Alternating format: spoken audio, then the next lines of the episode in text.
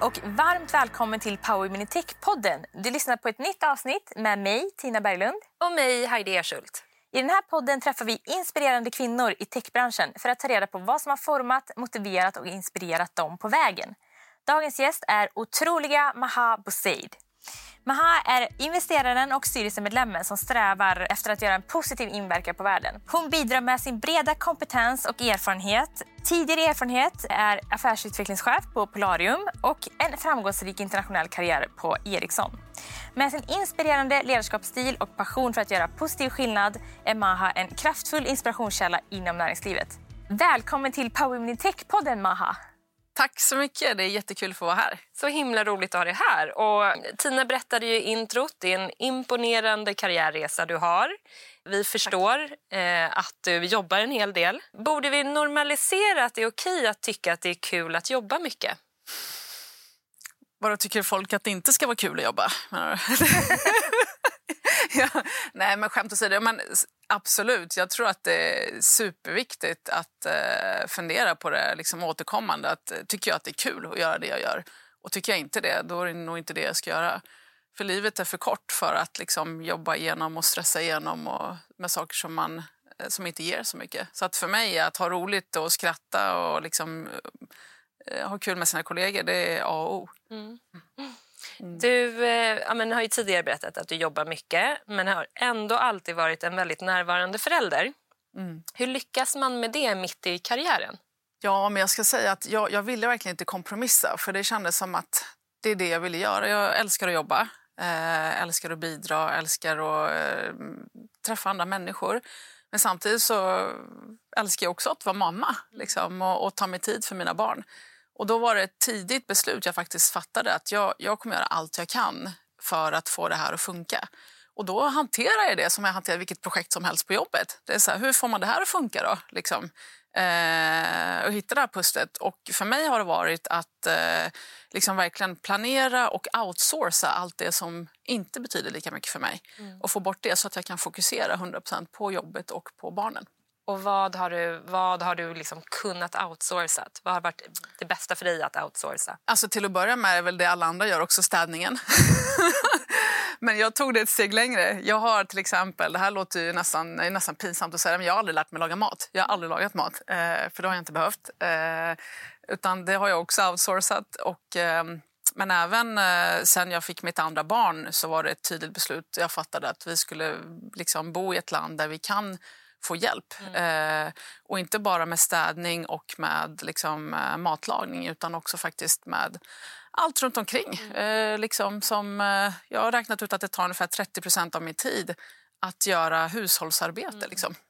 Allt från tvätta och stryka och liksom köpa mat. Och, alltså det, eh, så, så då, och det var den perioden som vi faktiskt flyttade till Mellanöstern. Då. Mm. Jag sa att det, blir, det kommer inte funka att skaffa ett till barn, vilket jag vill ha om, om vi har den tillvaron som vi hade i, när, jag bod, när vi bodde i England. Eller i Sverige för den delen. Mm. Så, så att jag hade ja, både nanny och maid och driver och assistant eh, i Mellanöstern. Härligt. Mm. Men ska vi inte ta normalisera lite då att inte göra de tråkiga sakerna i livet. Ja, jag som inte har barn, när jag jobbar mycket då kan jag köra så matlådor för att jag bara, nej jag vill mm. hellre gå och träna eller mm. jobba eller hänga med mina vänner. Och jag tycker det är så här, det är fine. Man får bestämma själv. Liksom. Ja. ja men vet du vad? Alltså jag, det, det, handlar egentligen inte om att ha barn eller inte. Jag tycker generellt så, precis som du säger, liksom, ett mindset. För jag, vi skaffade städhjälp, jag och min man, redan innan vi hade barn. Mm. Därför att vi inte vill hålla på och tjafsa om städningen. Eh, det var roligt. Det är ett väldigt hett ämne. Ja. Just städning kan bli infekterat. Absolut, för att folk vill ofta städa olika mycket. Eller hur? Eh, och det känns inte som att det kanske är det vi ska lägga tid på och komma överens om. Det finns andra grejer vi kan liksom jobba på eh, ihop. Så att jag håller med dig. Liksom, att skaffa matlådor även om du är ensam, det skulle jag absolut göra om jag bodde själv. Absolut. Sen vill jag bara tillägga också, för det har jag fått lite eh, liksom input på. Visst, absolut är det så att alla kanske inte har råd att outsourca allt. Det ska man också ta hänsyn till. Det är väl kanske lite eh, liksom, mm, lyx att, att kunna göra det. Men det finns olika sätt att göra det på. Jag, menar, jag till exempel tar hjälp av min mamma. Liksom. Det är mamma som lagar mat för oss. Till exempel. Jag hjälper henne med annat liksom, och hon hjälper mig med den delen. Så det går också om man har den typen av supportsystem runt omkring sig att göra det man kan med de medel man har. helt enkelt. Vad har du fått för reaktioner från din omgivning när du är öppen med att du tar hjälp eller optimerar din fritid? Alltså man säger, när, när jag bodde i, eh, i Mellanöstern under mina sex år där så var det ju inte alls något konstigt. Det hade nog snarare varit tvärtom. Det hade varit konstigt om vi inte hade tagit hjälp. För då var jag, okej, okay, har den där familjen något att gömma liksom? Eller, eh, så där behövde jag inte stå till svars för någonting. Men visst, när vi flyttade till Sverige då kände jag att det var ett ganska känsligt ämne liksom, att prata om. Och de, vi tog in en au pair eh, ganska snabbt när vi kom hit. Och, eh, och det fick jag mycket frågor från när det kom folk till oss. Okej, okay, så ni är au pair? Liksom. Okay. Alltså, jag kände att det kanske inte var... Och då fick jag börja med att ställa frågan, okej, okay, men eh, liksom, ni skulle inte kunna tänka er au pair? Eller finns det, det, är inte många som känner till Nej. att det finns den hjälpen också, i alla fall med barnen. Liksom. Men det är inte alltid lätt att lämna jobbet 15.30 eller 6 för att gå och hämta barnen. Det skulle jag aldrig kunna göra. Alltså, inte de dagar jag faktiskt är på jobbet, kanske när jag jobbar hemifrån. Det märker jag att det är stor skillnad på Sverige mot andra länder. Att det är mer känsligt ämne här. Mm. Ja, och när du pratar om till exempel Mellanöstern, det är precis som du säger att det känns ju som att det är mer ovanligt om du inte skulle ta mm. hjälp. Mm. Och sen är det helt åt andra hållet i Sverige.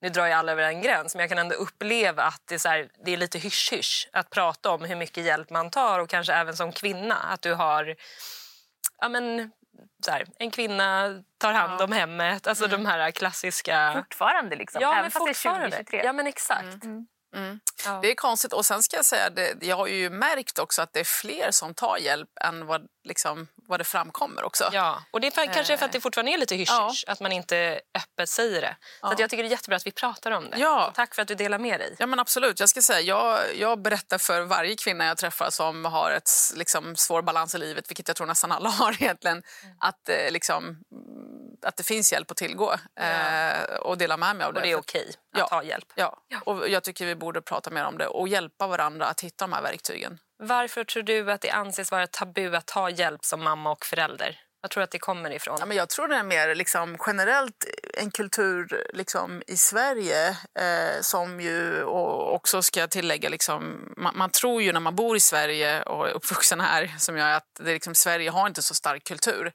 Eh, men det är först när man kommer utomlands som man märker hur stark den här kulturen faktiskt är. Mm. så jag har ju reflekterat mycket av det när jag flyttade tillbaka. Inte så mycket när jag var här för 12 år sedan utan det är nyligen liksom, så jag börjar märka de stora skillnaderna egentligen. Eh, och det här med lagom, liksom, Sverige är ju liksom en janteland. Liksom. Det, det, alla liksom ska vara ska lika. Precis, och alla ska dra sitt strå till stacken. Och jag menar, och, då, och vi ska vara lika värda. Så absolut, liksom, där. Men, men ibland kan jag tycka att man drar det lite för extremt. Eh, det, jag, menar, jag kommer ihåg när jag bodde som sagt i Mellanöstern. Där var, såg man det snarare som ett, liksom, att man skapade fler arbetstillfällen om man anlitade mer folk som stöttade en. Vilket man inte kanske tänker på ur det perspektivet här. Utan det är mer okej, okay, du har tillräckligt med pengar för att kunna ta in extern support. Ja, men vad synd om dig. Liksom. det är mer så man ser på det här. Eh, jag tror att det är mycket avundsjukan också i Sverige, den svenska avundsjukan. Att man tänker att eh, ja, man, man, man kanske inte vill unna sig andra vad man kan unna sig själv. Jag vet inte, det, det, det är väl den känslan jag har fått i alla fall. Att det är de, eh, de två kulturella värderingarna som gör att det blir hysch om det här i mm. Sverige. Mm. Vad har det betytt för dig att liksom bryta de här normerna? Ja, eh, jag har väl alltid lite gått min väg, även om jag försöker göra det på ett diplomatiskt sätt. För jag tror ju ändå på, i slutändan så ser jag väl på saker och ting, liksom att uppnå ett resultat. Eh, sen är väl inte jag den som går liksom en hög fana och vill liksom till allt pris liksom precis göra så som jag vill för att jag vill. Utan det handlar mer om att okej, okay, hur, hur uppnår jag det jag tror är rätt liksom, eh, på ett sätt som gör att jag liksom trivs med det också utan att för mycket liksom störa den miljön där jag befinner mig. Eh, så att jag, är, jag, är liksom, jag är ganska balanserad på det sättet skulle jag säga. Men eh, att, att eh, bryta normen, om man ska kalla det så. Jag, jag, jag, har väl inte sett på det på det sättet, men det handlar mer om att jag ska trivas med mitt liv. Liksom. Jag, eh, jag gör jättemycket, tycker jag själv, liksom, försöker bidra på det sättet jag kan till världen. Men jag vill också själv vara lycklig och njuta av det jag gör. Så att det ska vara win-win för alla. Mm. Det kanske också är lättare att bidra om man mår bra själv. Liksom. Ja, mm. men absolut. Det är klart, då orkar man ju mer. Jag menar, jag, om, om jag skulle behöva, vilket jag gjorde liksom ganska mycket när jag bodde i England till exempel. Jag, menar, jag reste runt extremt mycket på jobbet och eh, hade ett litet barn hemma som jag hade konstant dåligt samvete för och liksom kom hem ibland från en resa klockan 11 på kvällen på natten och höll på att städa toaletterna liksom, för att det inte var, det liksom, vi inte hade den hjälp vi kunde få. Och man, då mådde man ju jättebra dagen efter liksom, och var på hugget och på rätt energinivå. Och då kände jag eh, precis liksom, att det, det, det hjälper ju ingen liksom, att ha det på det här sättet.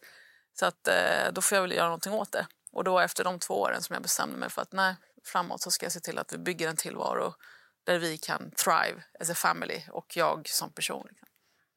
Fint. Kraftfullt. verkligen. Du nämnde tidigare din kära mamma där som hjälper till bland annat med att skapa den här tillvaron. Och vi har hört talas om henne innan och hon verkar otroligt inspirerande och stark. Och du har tidigare berättat att hon har tagit hand om er, fyra barn. Som, ni, ni är fyra syskon då. Eh, Efter att ha flytt från krig och hon har även jobbat som busschaufför. På vilket sätt skulle du säga att hennes driv och styrka har inspirerat dig? På alla sätt skulle jag säga. Hon är min största inspirationskälla. Eh, och eh, jag brukar säga att jag, det finns nog ingen i världen som eh, pushar mig så mycket som jag pushar mig själv. Men det gör faktiskt min mamma. Hon pushar mig ännu mer. så hon har verkligen alltid, eh, både liksom i sitt, eh, att kunna visa att man orkar mer än vad man tror. Eh, det jag, liksom, jag har sett av henne liksom, har jag verkligen tagit till mig. Och det har påverkat mig också som person väldigt mycket. Men också sätt som hon har pushat mig. Liksom att kör på bara, jag finns här om du behöver. Som ett stöd. Jag menar, när jag födde min, min yngsta son Adam i Dubai. Jag, jag var inne på tre månader bara mammaledig och fick en förfrågan om att och, ta min chefsjobb. Eh, och jag kände så här, gud, liksom, det här blir mitt andra barn. Ska jag släppa honom igen, liksom, väldigt liten på dagis och liksom, ta ett ännu större jobb som kommer ta ännu mer av min tid? Det här, liksom, hur ska jag? Och då sa, kom hon och sa, nej, jag tar hand om det här. Gå och gör det här. Ta det här jobbet. Jag, vill att du, jag vet att du vill ha den och du kommer, det kommer gå hur bra som helst. Och eh, sagt och gjort, för jag kan inte säga nej till mamma. Hon har ju alltid rätt. De har ju det. Så hon flyttade typ ner till Dubai och bodde med oss i ett år och såg till att han, Fint. han mådde hur bra som helst. Och jag gjorde det också, allihopa. Liksom, och så gick det ju väldigt bra. Då. Eh, Eh, och mamma måste ju dessutom ha varit överlycklig över att få umgås med sitt barnbarn 24-7. ja, nej men eh, absolut. Eh, det är verkligen win-win. Hon, hon har trivts väldigt bra också och följa med på den här karriärresan. Ska jag säga. I varenda land vi har bott i. Har hon flyttat med i andra länder också? Då? Ja, hon, har, hon har varit väldigt närvarande, åtminstone halvtid kan man säga. Hon har liksom flyttat mellan Sverige och de länder jag har varit i. Eh, absolut. Hon följer efter barnbarnen. Ja. Och Precis. såklart du. Det Ja. också. Precis. Men hur skulle du säga att din mamma skulle beskriva dig då? Ja, du, det är en bra fråga. Nej, men jag tror att vi är, vi är nog ganska lika egentligen eh, på vissa sätt. Mamma skulle säga att jag är väldigt energisk, väldigt glad, väldigt eh, optimistisk tror jag hon skulle säga. Mamma är väldigt bra på att analysera saker. Hon kan liksom se mycket utmaningar. Och liksom, och, eh, jag, jag är nog den som försöker mer... Liksom, nej, men det finns säkert en möjlighet. Kanske lite för mycket ibland. Liksom, ser, kanske lite naivt. Så här. här att ni kompletterar varandra. Ja, men exakt. På det sättet kompletterar vi varandra. Här finns det bara möjligheter. Sen är vi väldigt bra bollplank till varandra också. Jag tror vi är båda ganska kreativa.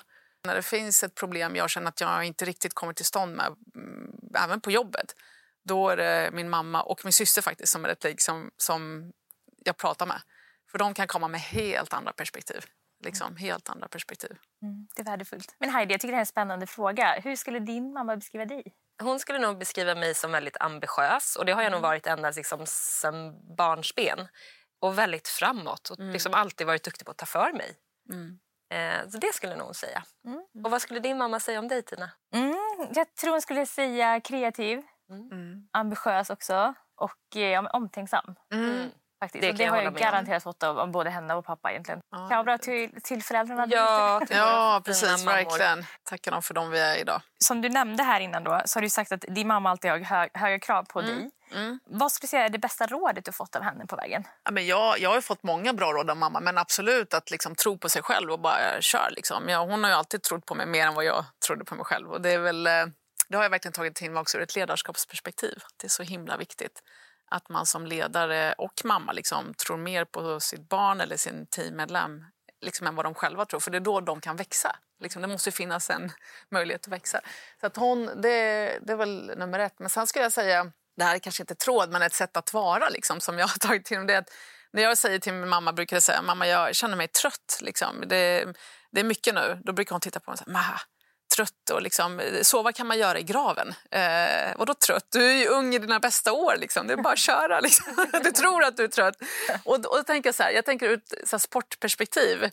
Det är väldigt mycket så mindset. Liksom, att eh, När din kropp är, liksom, när du känner dig trött i kroppen då är det bara till du ska tillbaka in i huvudet. Liksom, för det är där det sitter. Det är där spärren sitter. Liksom. Mm. Eh, och än idag, så jag och mamma går ju och tränar ganska mycket ihop. Och hon är ju liksom helt otrolig. Eh, hon, hon, kan verkligen, hon, kan, hon kör dubbelpass nästan varje dag. Jag hon låter som en otrolig liksom, så cool kvinna. Ja, väldigt cool är hon. Och hon orkar så mycket liksom, trots sin, allt hon har varit med om och sin ålder och sådär. Liksom. Nu är hon inte så jättegammal men, men jag blir väldigt inspirerad av det. Det är kanske det som har format henne. Alltså allt mm. det jobbiga hon har varit med om har väl gjort henne stark. Mm. Absolut, det tror jag. Oh, wow. Ja, lite gåshud Du har ju själv egna barn och mm. är ju också mamma. Mm. Eh, så vilken sorts förebild vill du vara för dem? Jag tror väldigt mycket på... på alltså, jag, jag är en väldigt kärleksfull person. Liksom. Jag tror det väldigt mycket handlar om att sätta den basen. Liksom. Ge så mycket kärlek. Man kan inte ge för mycket kärlek, helt enkelt. Eh, framförallt till sina barn. Den här kärleken är... Eh, vad kallar man det?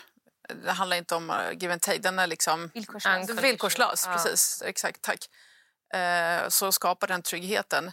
Men också så här, jag vill också vara en inspirationskälla till dem. Att de ska känna att ja, men jag, jag vill bli som mamma. Alltså, sen hoppas jag att de blir mycket mer förstås. Liksom. Men, men att liksom, en nyfikenhet att utvecklas, en nyfikenhet till att lära sig. Liksom, för det finns ju så mycket att upptäcka och utforska. Jag har ju alltid älskat både matematik men också liksom, eh, natur och kemi och biologi. Alltså alla ämnen i skolan jag har tyckt var kul. För att jag har varit så nyfiken på att lära mig. Mm. Och jag hoppas väl någonstans att deras liksom, nyfikenhet, att jag kan hjälpa dem att liksom, upprätthålla det och till och med kanske utöka det med tiden.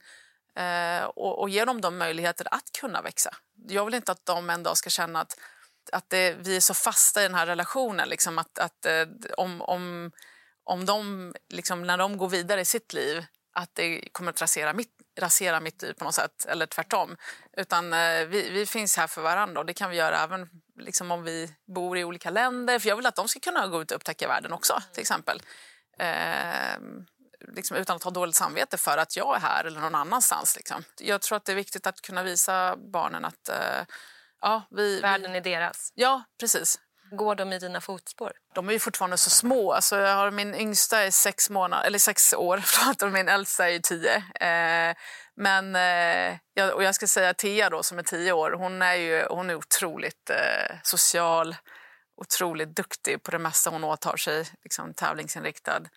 Eh, Adam är väldigt analytisk, liksom, lite mer... Eh... Där har du mormor. Ja, men exakt. Precis. Extremt omtänksam. Och, eh... Men eh, jag, jag, de i alla fall... Eh, vi jobbar på det. Ska säga. Vi jobbar mycket på att, eh, på att utforska saker tillsammans. Vi reser väldigt mycket. vi läser väldigt mycket tillsammans. Vi jobbar mycket med kluriga mattefrågor. Det tycker jag är kul. För att, eh, ja, jag tycker att det är viktigt att spela, göra de, de sakerna tillsammans. Eh, och absolut, de är båda väldigt nyfikna av sig och väldigt framförallt glada och kärleksfulla. Liksom. Mm, fint. Det kommer gå bra för dem. Ja, jag hoppas det. Jag tror det är viktigt att, eh, liksom, att man bygger dem till lyckliga, självständiga, trygga individer. Liksom. Så blir resten bra. Liksom.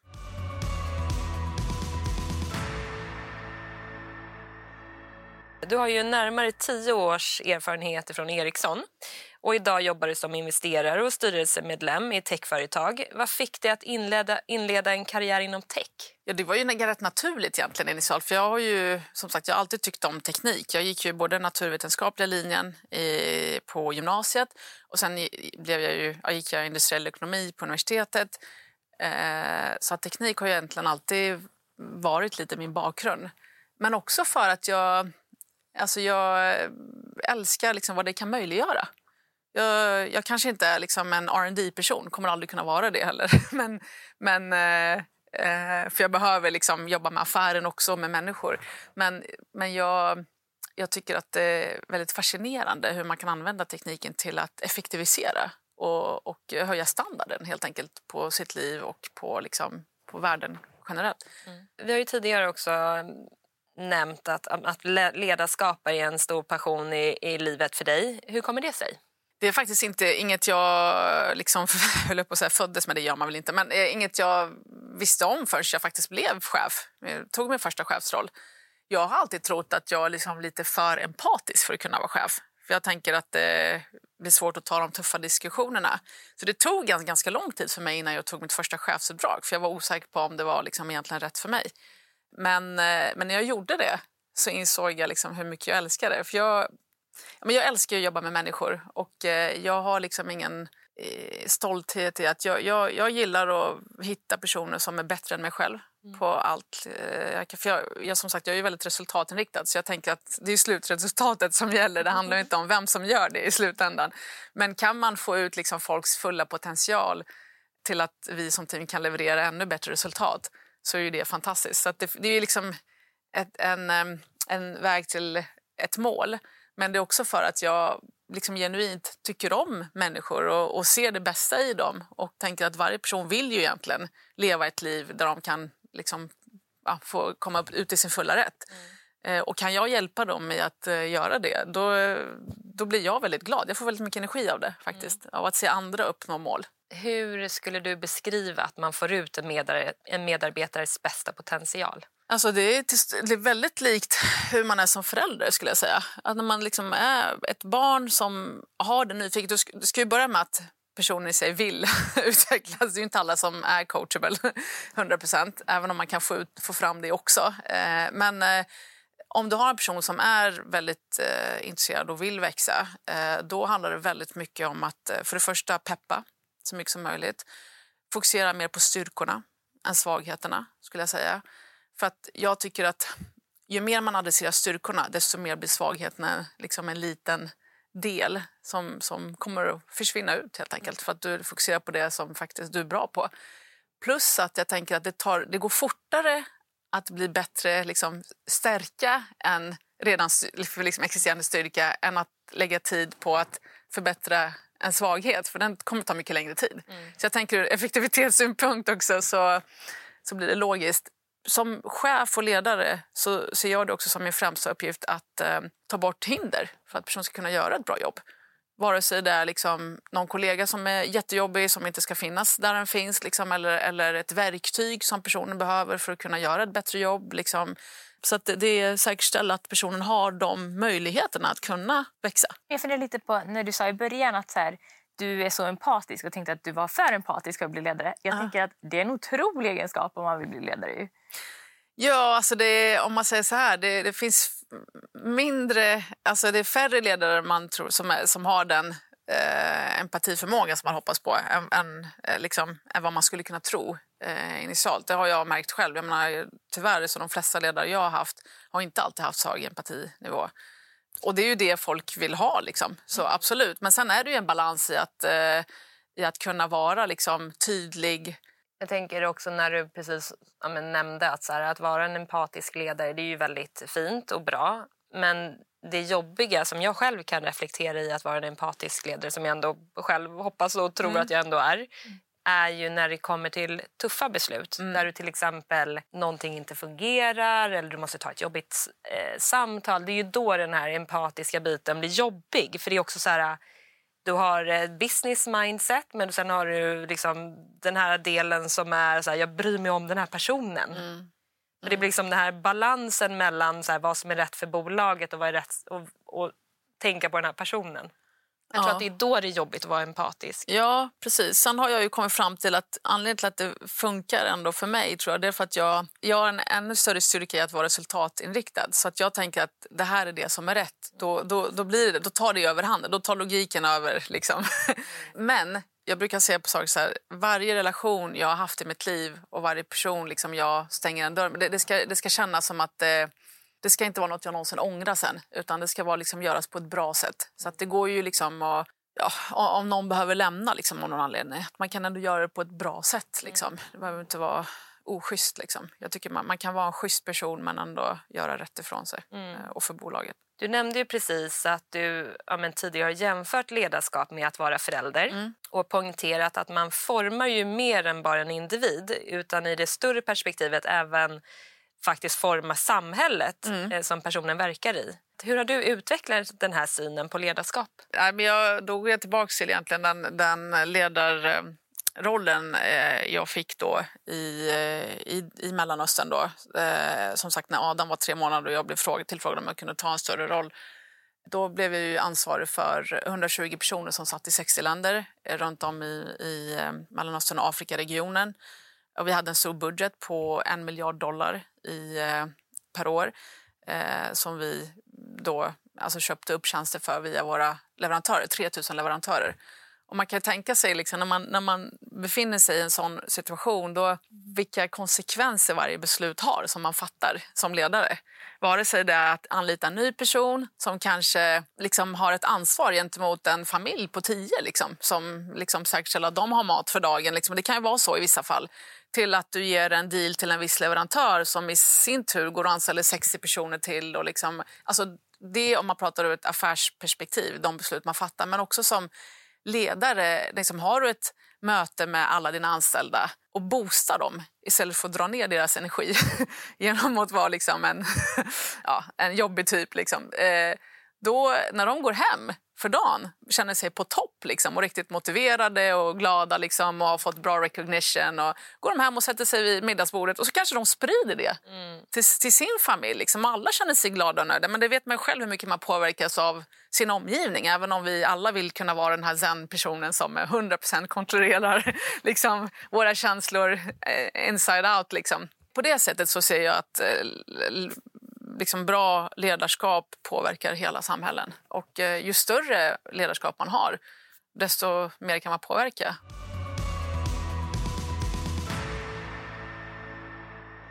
Du har ju majoriteten av din karriär jobbat utomlands. Hur stärker det liksom, dina år utomlands i dig, men, i både rollen som person men också som ledare? Mamma brukade säga, nu kommer vi tillbaka till mamma, men att den som Gud älskar visar han världen. Sen betyder inte att han inte älskar dig om du inte har fått se världen. Alltså det inte, men, men eh, det var liksom ett sätt också kanske för henne att liksom peppa oss att faktiskt liksom utforska. Jag ser det verkligen som en förmån att ha fått den möjligheten att eh, bo och, och jobba i flera länder. Det har ju liksom definitivt gett mig perspektiv på saker och ting som jag inte tror jag hade haft om jag hade varit på ett ställe mm. hela mitt liv. Jag eh, är väl inte den typen som snabbt kommer till ett beslut och sen så fastnar jag i det. Utan jag är väldigt öppen för att lyssna till nya beslut. Jag tänker att oftast blir det som man inte hade tänkt sig ändå. Är det någonsin som man har tänkt sig? och som min nyfikenhet har ju bara sporrats av det. Liksom. Jag blir ju, nu för tiden när vi åker iväg någonstans så är jag väldigt nyfiken på att träffa folk liksom, som bor lokalt och liksom, testa nya grejer. Man blir också mindre rädd, skulle jag säga, mer riskbenägen och kasta sig ut. Eh, så att idag skulle jag säga så här, skulle det komma liksom, ja, men nu flyttar vi till Nigeria. Ja, vi flyttar till Nigeria. Alltså jag, jag är väldigt eh, spontan. Jag har blivit mer spontan av mig och tycker att eh, jag ser möjligheten med att eh, göra saker och ting oftare, mer än, än riskerna. Liksom. Har det varit stor skillnad att vara ja, men ledande kvinna inom, liksom, i Sverige mot i Mellanöstern, i London?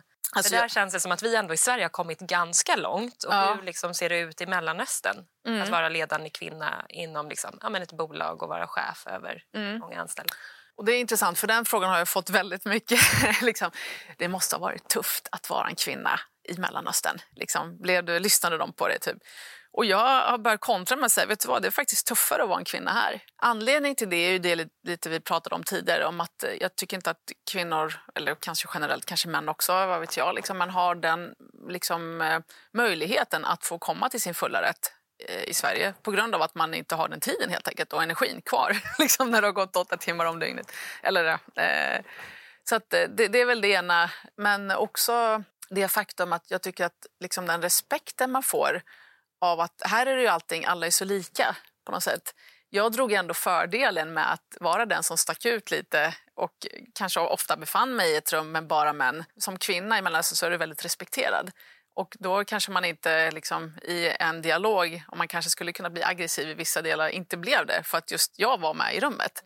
Och det blev mjukare toner och det var liksom lättare att skapa relation på ett bra sätt, liksom, trevligt sätt.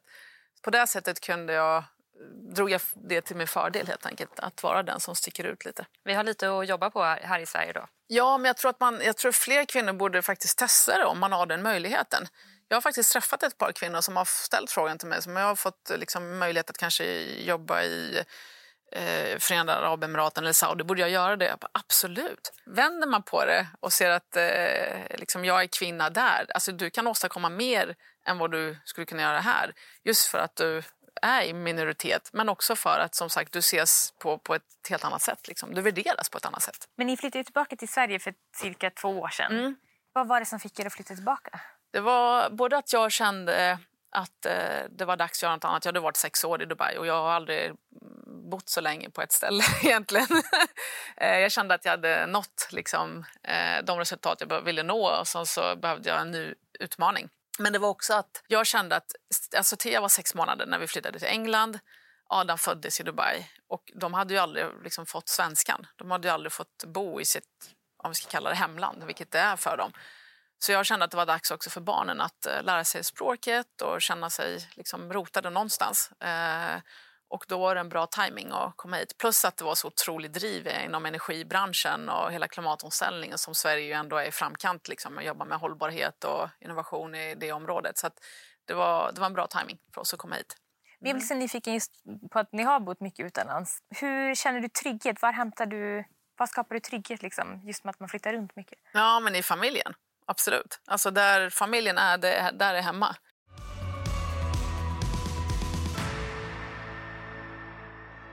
Vi är ju alla medvetna här inne att eh, vi behöver bli flera kvinnor inom tech. Vad är liksom ditt tips till de som lyssnar på så här, hur tar man sig in inom en karriär inom tech? Ja, för det första tror jag man måste liksom kanske sluta tänka på tech som någonting svårt. För att även om jag jobbar och har jobbat med tech hela livet så jag är ju ingen teknisk expert på något sätt. Alltså jag är ju verkligen varken en utvecklare, liksom, även om jag jobbar med AI, eller liksom en, eh, någon person när jag var på Ericsson som kunde radiobasstationer ut och in. Liksom. Jag visste ungefär hur de såg ut och hur de funkade. Men alltså, det, det är väl det liksom, till att börja med, att, att inse att det, eller förstå att, att man behöver inte vara superexpert på någonting. Man kan vara en generalist och jobba med tech. Och också att techbranschen behöver alla. Det är ju liksom inte så att man eh, bara vill ha utvecklare på ett utvecklingsbolag. Det går ju inte. Vem ska sälja det här? Liksom? Vem ska liksom marknadsföra? Vem ska ta in nya talanger? Vem ska liksom paketera, prissätta, liksom produktutveckla? Du är, inte, du är inte utvecklare man vill som ska göra det. Oftast så är de totalt ointresserade eller okunniga inom de här områdena. Det har jag faktiskt märkt väldigt tydligt ska jag säga sen kom tillbaka till Sverige att det finns många bolag som skriker efter mjukare kompetenser. Många techbolag som är väldigt bra och duktiga på att utveckla ny teknik men de vet inte hur de ska ta den till marknaden. Mm. Så där saknas det väldigt mycket och, och där skulle jag säga det spelar ingen roll vilken industri du har jobbat i. Om du är duktig HR-person till exempel så skulle du kunna vara det inom techbranschen också. Det spelar ingen roll om du har jobbat inom retail förut eller industribolag. Liksom. Mm.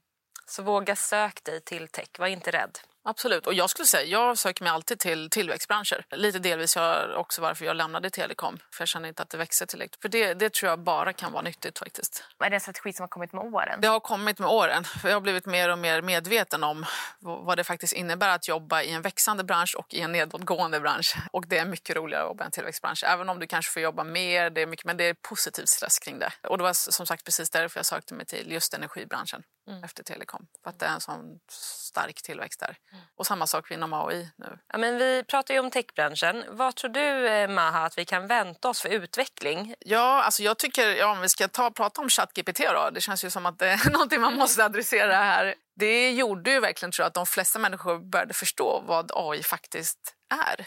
Och det, och det, det gjorde den så lättillgänglig för alla människor att kunna liksom, eh, se potentialen i det.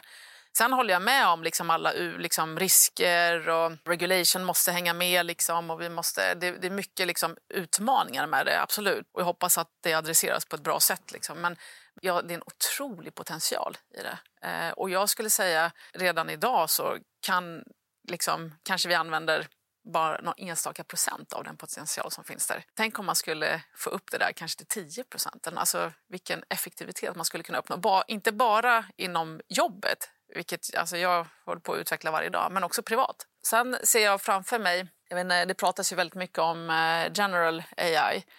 Jag ser verkligen fram emot den dagen när jag kan ha en robot hemma som gör allt. Som hjälper till att laga mat. Då behöver inte mamma laga mat så mycket längre. Nej, jag tänker Vi precis. byter ut au pairen. Vi byter ut affären. Nej, men på riktigt, det är ju inte jättelångt ifrån. Jag tror att innan slutet på det här årtiondet så kommer det absolut vara liksom, gångbart. Det ser jag fram Vi har emot. mycket att vänta.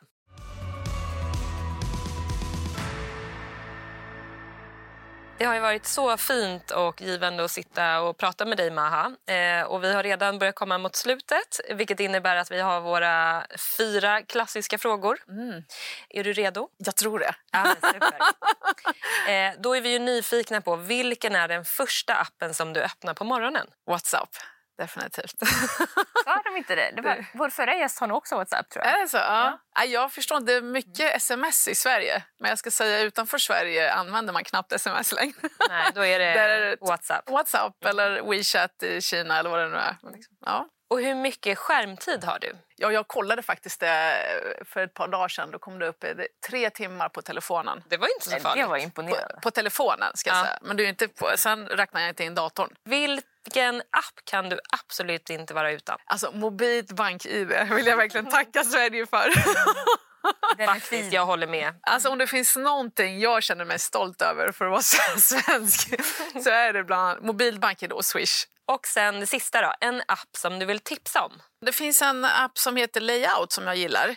Det är så här, om jag ska posta någonting på LinkedIn eller något och gärna vill ha med flera bilder på en bild, då använder jag den för att slå ihop flera bilder. Det är jätteenkelt. Till alla LinkedIn-lovers där ute. Exakt, det finns så många. Nu har vi kommit till vår absolut sista fråga. Det känns otroligt. Tiden sprang iväg. Ja, det har gått så snabbt. Eh, Men det är ju också en av våra favoritfrågor. Och det är Nämn en powerkvinna i techbranschen som du inspireras av och vill hylla. Och då vill jag nämna Sheryl Sandberg. Hon eh, var ju tidigare COO på Facebook, som nu heter Meta eh, nu.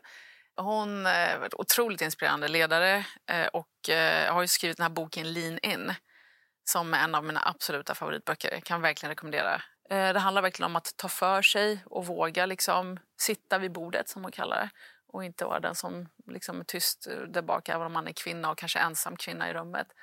Ja, och tro på sig själv. Liksom. Eh, och hon ger väldigt många bra konkreta tips i den boken. Jag kan verkligen som sagt rekommendera den. Men hon är, verkar vara en fantastisk kvinna. Jag har inte träffat henne personligen, men hade gärna gjort det om jag hade möjlighet. Coolt.